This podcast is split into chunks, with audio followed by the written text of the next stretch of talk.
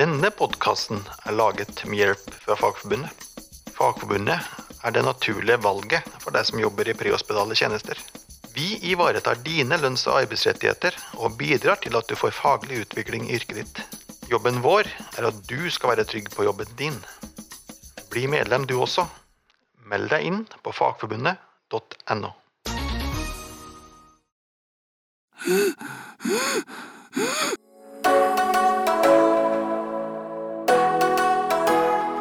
Da var det tredje episode da i serien om eh, Endetidal, eller kapnografi, med Per Olav Berve. Um, du er ikke lei ennå?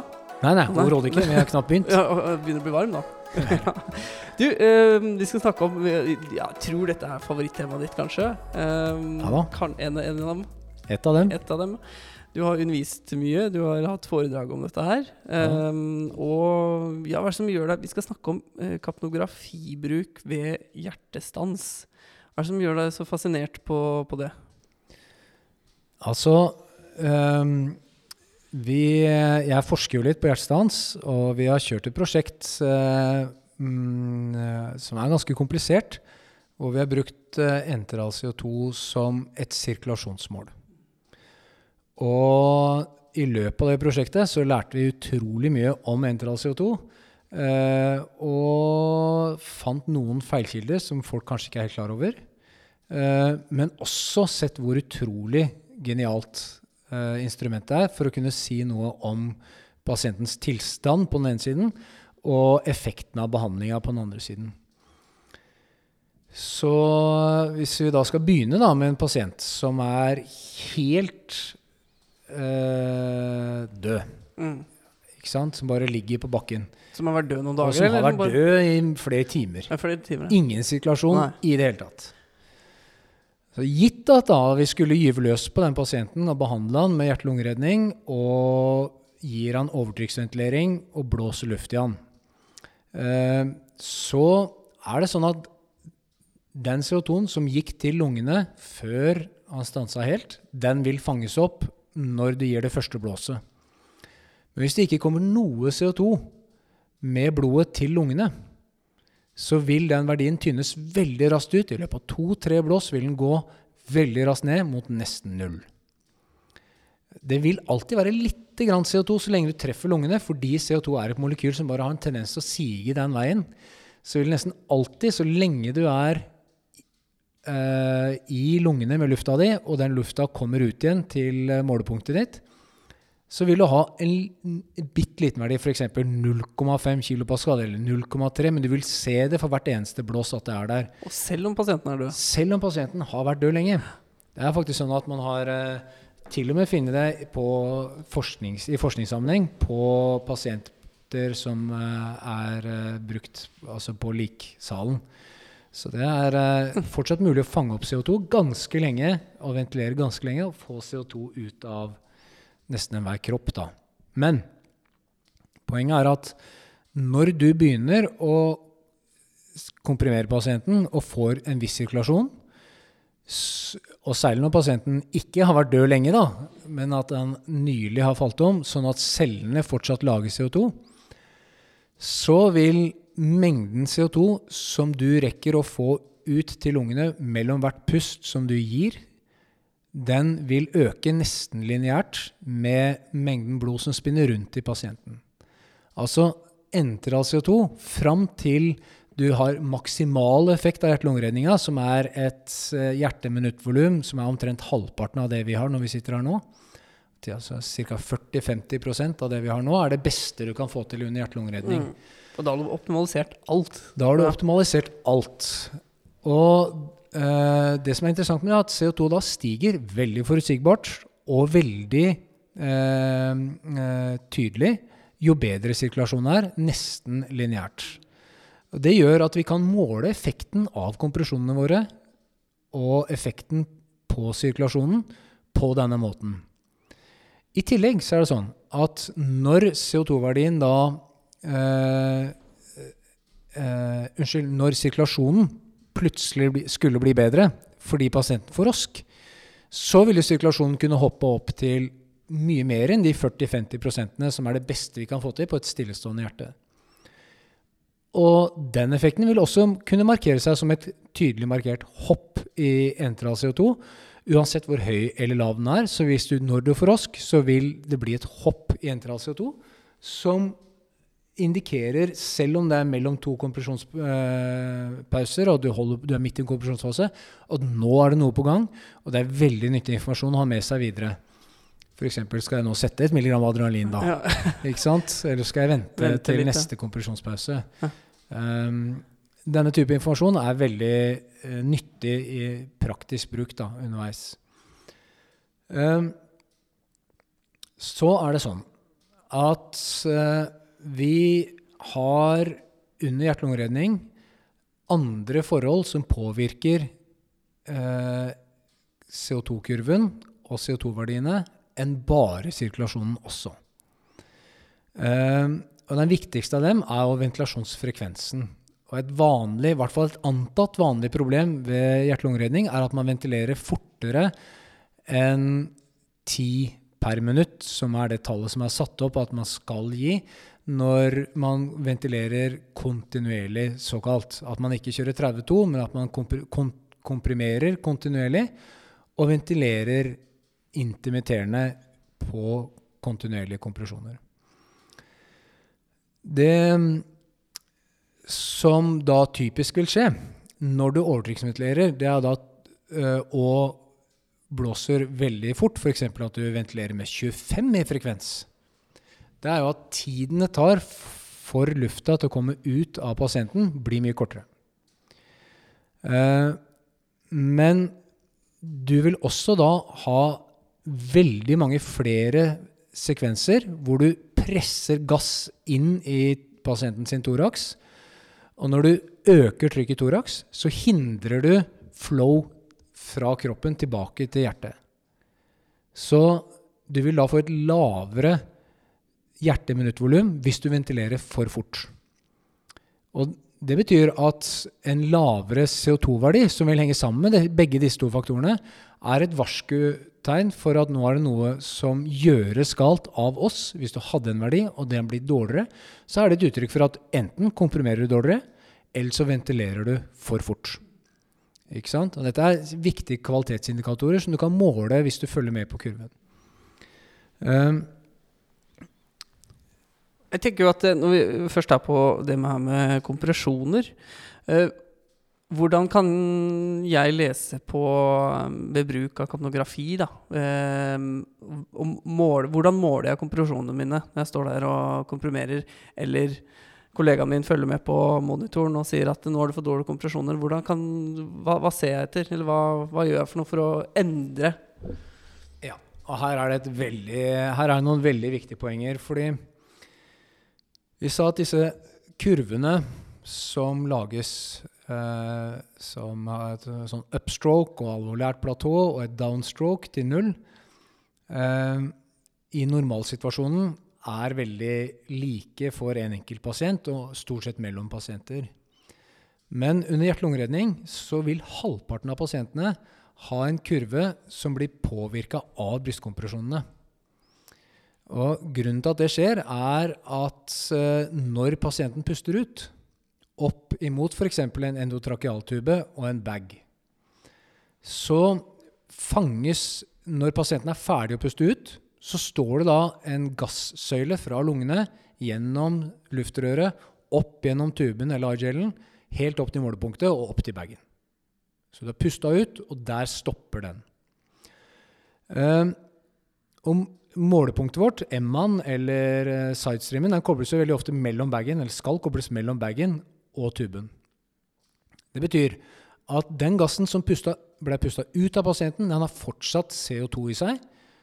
Og lyskilden som måler, den vil hele tiden da måle at det er CO2 mellom lyskilden og mottakeren. Og da vil den si på skjermen din at der er det CO2. Problemet er at når vi gjør brystkompresjoner, så vil omtrent halvparten av pasientene vil for hver gang vi slipper opp trykket på brystkassa, suge inn litt luft fra bagen. Og den lufta som kommer inn hver gang da, den tynner ut den gassen som står øverst i tuben. Og Det betyr at så lenge pasienten puster ut, så vil det komme til en viss verdi. Og så vil den verdien bli gradvis tynna ut, helt til du gir et nytt blås hvor kurven går til null igjen. Dette her burde være helt ukomplisert, men det betyr at eh, det som vi før mente var eh, sånn som jeg definerte tidligere, endetidal CO2, altså målinga rett før det går til null, som er den som måles av noen typer apparater, den vil være betydelig lavere enn det høyeste punktet på kurven i løpet av det utpustet. Så, og For å gjøre dette enda vanskeligere, så er det sånn at noen apparater som vi bruker i Oslo-regionen nå f.eks., måler toppunktet mellom to nuller og vil få med seg den høyeste verdien. Den du ser på kurven som ser høyest ut, det er den som skal leses. Mens andre apparater som er i aktiv bruk i Oslo-regionen, vil måle det siste før downstroke, selv på disse kurvene som har fallende platå, og vil oppgi opptil 40% lavere verdier. Og Det her er ganske viktig å vite.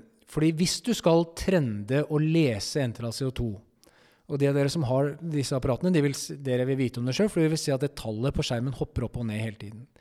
Så den eneste måten under hjerte-lungeredning å virkelig bruke entral CO2 godt, det er ved å se på kurven og lese av det høyeste punktet ofte. Det er den beste måten du får lest det på. Og da, hvis du gjør det, leser av toppunktet, så blir de sirkulatoriske endringene veldig mye tydeligere. Og Da er det mye lettere å lese av rosken, og da er det mye lettere å lese av om vi gjør noe feil. Rett og slett da.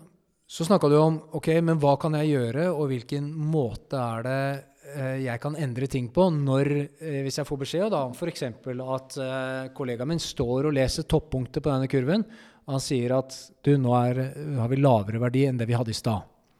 Ja, du har jo kommet inn et par ganger vi har vært på Hjertestans og sier at det, det er litt for dårlige kompresjoner der. Hva har du sett etter da? Hva, Nei, det er klart at uh, jeg er jo uh, heldig stilt, da. fordi at vi har jo med oss en ultralydmaskin.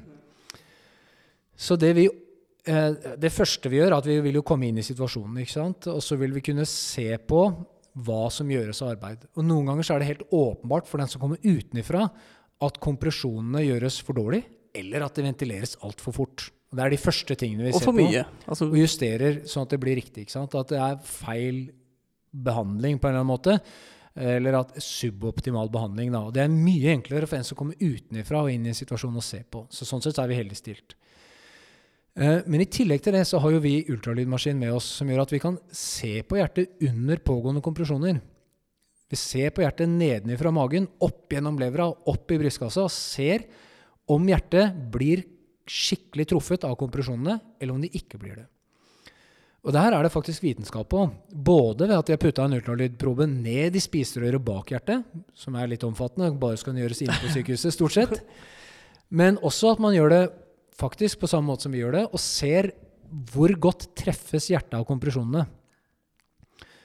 Uh, og hvis man treffer hjertet dårlig, så blir entral CO2 dårligere.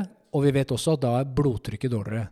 Men hvis du treffer, hvis du flytter kompresjonspunktet da, sånn at vi treffer hjertet bedre, treffer ventriklene i hjertet bedre, så skyter gjerne entral CO2 i været. Og du nevnte for meg i stad at du hadde et case hvor det føyk opp fra 2,5 til 3,8.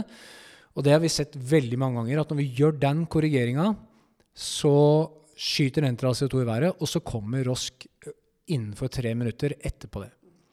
Så du um, noe, Vi har jo disse to mekanismene som driver blodet rundt når vi, når vi komprimerer brystkassa. Det ene er thorax-pumpmodellen. Rett og slett at du øker trykket i hele thorax, og siden det klaffer i hjertet, så blir da blodet drevet i riktig retning rundt. Eh, men den andre modellen er den direkte hjertekompresjonsmodellen. At du rett og slett skviser på pumpa sjøl og får effekt av det. Og det viser seg at du utnytter i alle fall eh, Begge mekanismene er alltid i sving, men du utnytter hjertekompresjonsbiten bedre, selvfølgelig, hvis du treffer hjertet bedre. Hvis du da ikke har en ultralydmaskin, hva kan du gjøre da? Det jeg vil anbefale folk, det er to ting. Det ene er at hjertet ligger nesten alltid lavere i brystkassa enn den linja mellom eh, brystvortene som vi ble anbefalt å komprimere på. Det ligger nesten alltid lavere. Så et godt utgangspunkt er å i det minste ha prøvd å treffe sternum mellom brystvortelinja og helt nederst på sifoides, spissen på brystbeinet. Eh, Det andre er at det er mulig å krype seg litt ut mot pasientens venstre, fortsatt på eh, sant, eh, brystbeinet, men å komme seg en centimeter eller to mot pasientens venstre, litt ned og litt venstre, det bør være prøvd hvis man ikke har en kjempegod NTLA CO2 og ikke har ROSK. Eh, og det er mulig å, å teste ut, da. Eh, og lykkes man ikke med det, så er det jo mulig å prøve andre punkter også å komprimere på. Samtidig som det viktigste selvfølgelig er å ha god energi og riktig frekvens og riktig dybde. Eh, men vi har alle vært der mange ganger at det er ikke nok. ikke sant? Men jeg har sett det så mange ganger, altså med, med det med å bare endre kompresjonspunktet litt, grann, og da spesielt da på kapnograf, eh, både kurven og verdien. Hvordan, hvordan spesielt da verdien, hvordan den endrer seg. Den kan endre seg bare altså en kilopascal. Da. Det er ganske mye i en sånn situasjon. Ja, det er veldig mye, faktisk. Fordi stiger den fra 3 til 4, så har den steget med, så har sirkulasjonen sannsynligvis stiget med 30 Mm.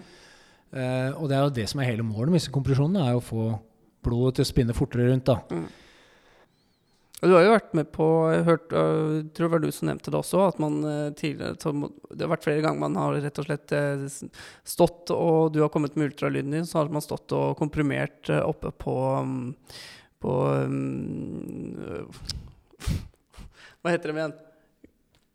Ja, Ikke mellom brystvortene. ikke ventriklene, men Ja, Ja, riktig. Ja, fordi Jeg fikk, fikk jernteppe, jeg nå. ja, nei, det, det aksepterer Jeg er ikke så god på anatomi, jeg. Men, eh, men eh, det er det du er på jakt etter her nå. Ja. Ole Kristian. Fikk du hjerte- jernteppe? Nå fikk eh, eh, Det er at for å ta det et steg videre, dette med å treffe hjertet, at det selvfølgelig er viktig for å få best mulig effekt av brystkompresjonene dine, så har jo vi her i Oslo gjort studier på hvor ligger hjertet.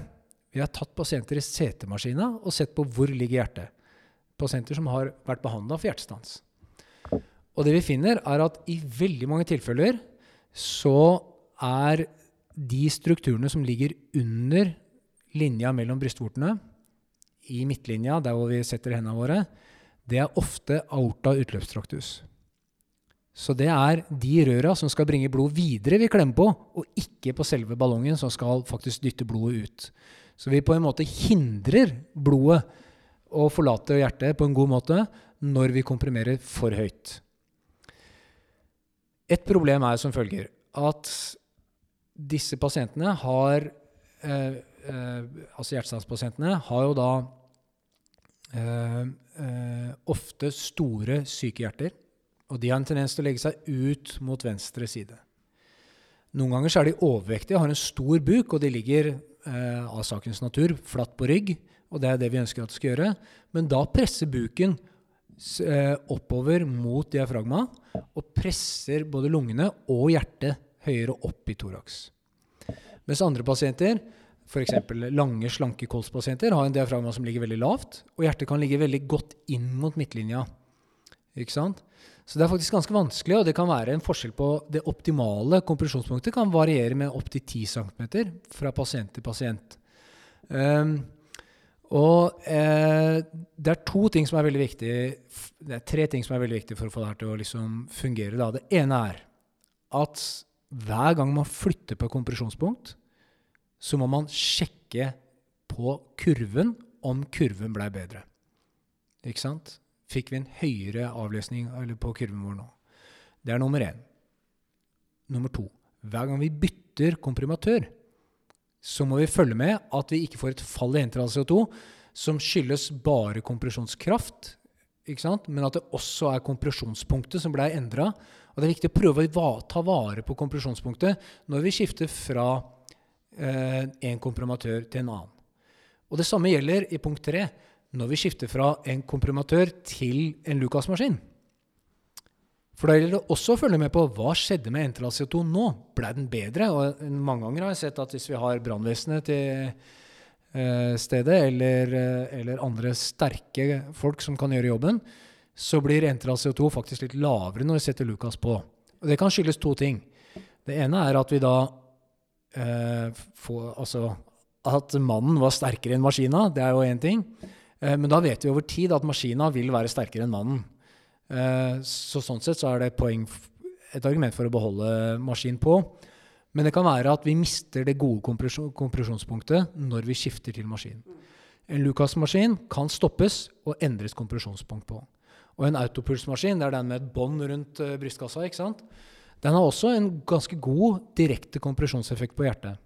Og Der er det også et poeng å få den i riktig høyde, og den har en tendens til å bli satt på litt for lavt. da.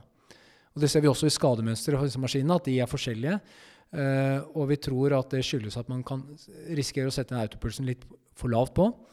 Eh, noen ganger så det er litt mer bukskade på den. da. Altså i Ett mål med denne podkasten er én Vit at maskina di kan lese tallet litt feil. Og skal du korrigere for det, så må du se på skjermen. Og skal du se på skjermen, er det, og dette er litt kontroversielt, så må du ofte på mange maskiner ut av AED-modus. Rett og slett. Det er eneste måten å få lest skikkelig hva som skjer på skjermen. Nummer to. Eh, skal du se skjermen, så må du sette den et sted i rommet som gjør at du kan se den. Og det å sette den bak hodeenden, f.eks., eller bak den som sitter med luftveien, er ikke den ideelle posisjonen å ha, kanskje. Og jo flere i rommet som kan se skjermen, jo bedre er det. Og Der kan vi snakke om en annen gang, Ole Kristian, om akkurat den gjør det. Det her er sterke meninger om hvordan den bør stå. Men eh, det er ikke så viktig. Men det er jo viktig at man får sett den, eller at noen ser den. Tre. Eh, den målinga du har, er ikke alltid sånn at selv om den er høy, at den er bra nok. Hvis pasienten din ikke får rosk, så er den ikke bra nok. Så da er det om å gjøre å optimalisere den. Og det er en nesten lineær sammenheng med hvordan, hvor godt du treffer hjertet, og hvor høy CO2 du får. Så da er det om å gjøre å optimalisere det. Det betyr at du må prøve å finne det punktet som gir deg best CO2-måling. Og det må man enten leite litt rundt etter, oftest litt nedover til venstre. Hvis ikke så får man leite på andre måter. Eller to, eh, at man bruker ultralyd for å se om man kan finne det. Tre. Pass på hver gang du skifter komprimatør eller komprimatørinstrument. Da er det en risiko for at du mister det gode kompresjonspunktet som du har leita deg fram til allerede. Ehm, og fire, husk på at inn, den innledende verdien som du får, er den skyhøy, så er det en indikasjon for en respiratorisk stans. Er den veldig lav, så er det en indikasjon på at det er et problem å få blod rundt. Og hvis dere gjør jobben, eller vi gjør jobben perfekt, eller det vi tror er perfekt, vi bare ikke får den høyt nok opp, så kan det være en årsak til det. Pasienten kan være utblødd, han kan ha sepsis, han kan ha lungeemboli, eller han kan ha en tamponade. Alle disse tingene er ting som gjør at blodet spinner dårligere rundt, og det er det en lav NTRASO2 gir en indikasjon på. Det kan også være en pneumotorax, selvfølgelig. Overtrykkspneumotorax. Uh, uh, eh, Men før du setter de slutningene så må du begynne på en måte med å endre kompresjonspunkt og optimalisere forhold, ikke sant? Og med å um, ikke, ikke altså, ikke ta Du begynner ikke med at denne pasienten er enten utblødd eller dette er en, en, en lungeemboli, men du, du prøver å bytte kompresjonspunkt. Men hvis du fortsatt ikke klarer å få opp den der eh, verdien, så, så kan man kanskje dra slutninger ut fra det, da. det er riktig. Ja. Da har du skjønt det helt perfekt. Det jeg prøver å si. Det er veldig bra. bra. For det sklir gjennom Ja, også. tenkte det var nesten så du kunne avslutta her. Men, eh, men jeg tenkte kanskje vi kunne snakke litt om eh, etter rosk også. Eh, Ja. På disse pasientene her. For eh, det med fall i eh, enditidal CO2 er jo noe av det faktisk det første du ser dersom pasienten på nytt får en hjertestans. Og det her har vi snakka om i noen av de tidligere podkastene, at eh, Ok Um, Noen ganger så har vi pasienter som får en rosk. Uh, og så har de en f.eks. en ganske høy frekvens, for de har fått adrenalin og de har stress i kroppen. Og eh, så kan de ha et greit blodtrykk også. Og Det kan være sammen med frekvensen, og det kan være at man har stramma opp blodårene med hjelp av adrenalin godt, og så har man ganske bra blodtrykk. Men det hjertet som er under der og banker, Det kan være litt vanskelig å finne ut av, særlig hvis du ikke har denne ultralydmaskinen å se på det. Eh, og da er det jo om å gjøre å fange opp om den sirkulasjonssituasjonen du har, holder seg, eller om den faller. Og hvis du ikke har en sånn invasiv blodtrykksmåling som noen av oss legger inn. Vi legger en sånn eh, kanyle i håndleddet eller i lysken for å måle blodtrykket hele tiden. Så kan det være ganske vanskelig å finne ut hva blodtrykket er noen ganger. Eh, særlig når vi driver og transporterer pasienten. Eh, fordi den måler jo blodtrykket ved å kjenne små ristinger i blodåra i det trykket liksom, ikke sant? Sånne os oscilleringene den fanger opp.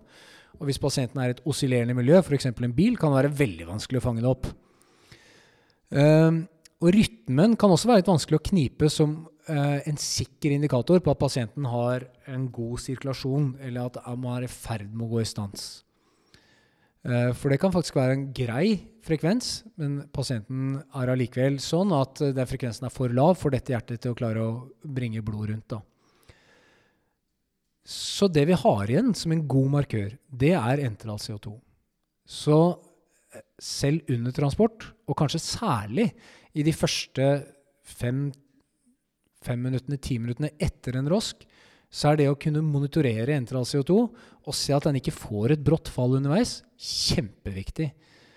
Og får den et brått fall underveis, så må du mistenke at her er det en ny stans på gang.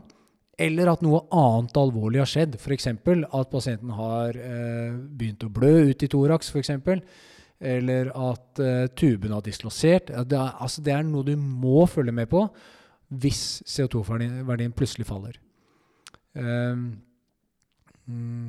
og det første du bør gjøre, er å gyve løs på nye kompresjoner. Sjekke at tuben er riktig. Og til slutt leite etter andre årsaker til at CO2 falt. Og helt til slutt selvfølgelig å følge med på at når du begynner å komprimere igjen, at CO2 da faktisk stiger. da. Ikke sant? Som et uh, uttrykk for at uh, du, får det til. Så det her uh, Dette er da grunnen til at 40 målinger per sekund, og at den der pæra står og blinker og blinker og blinker, og kan gi oss disse målingene kontinuerlig over lang, lang, lang tid, er en utrolig nyttig verdi å ha med seg hele forløpet, helt til pasienten er faktisk levert på sykehus. Spennende. Um, jeg tror jeg har gitt ganske mye bra informasjon her nå, altså. Um, kan hende. Har mer. Ja, du mer. Men det, det, kan bli litt Jeg tror vi kan prate, prate mer enn en annen gang også, Per Olav. Det er ikke ja. vanskelig å få deg til å prate heller. Det Nei, det var veldig greit. Og du begynner å bli varm i trøya så ja, ja. Nei, jeg tror vi sier uh, takk for nå. Var det noe mer du hadde på hjertet? Nei, det var Nei, ikke det. Det var ikke det, var ikke det Ole Kristian. Nei, jeg er tømt. Det er vi bra. har mange flere timer vi kan uh, ta opp til seinere. Og så uh, takker vi for denne, denne Enitidal CO2-rundene med de, disse tre podkastene. Det har vært fantastisk å ha deg med. Takk for muligheten.